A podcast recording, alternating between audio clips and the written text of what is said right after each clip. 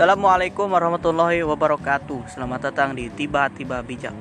Kali ini kita akan membicarakan tentang pemerintah. Judulnya Orang Mudik Tak Berkutik. Halus.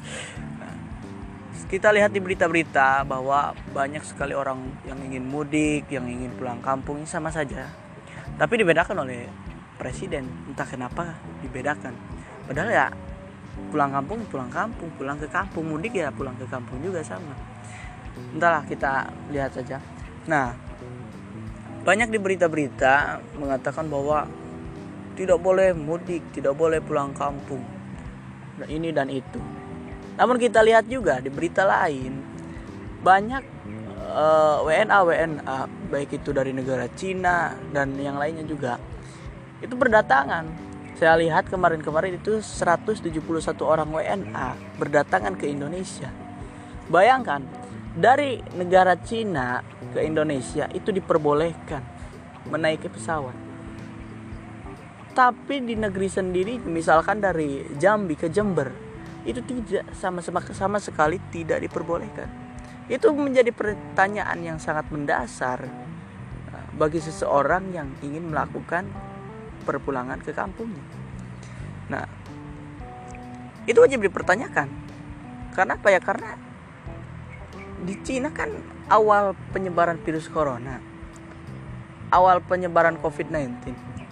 Tapi kenapa Anda tidak membatasi atau bahkan melarangnya? Begitu.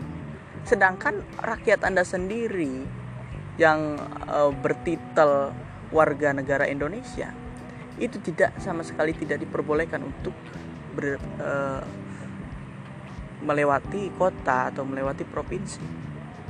Ini pembodohan publik. Karena ya memang seharusnya pemerintah tidak melakukan hal seperti itu. Kalau memang ingin melarang mudik, ya larang juga dong. Yang dari Cina, dari Singapura dan sebagainya. Karena apa ya? Karena lebih berbahaya luar negara daripada luar kota.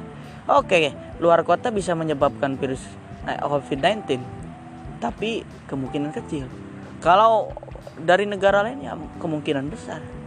Mungkin saja dari negara dari negara asalnya tidak diterima lalu pergi ke Indonesia mungkin saja. Kita tidak tahu, I don't know. Nah, itu harus menjadi pertanyaan seharusnya. Itu.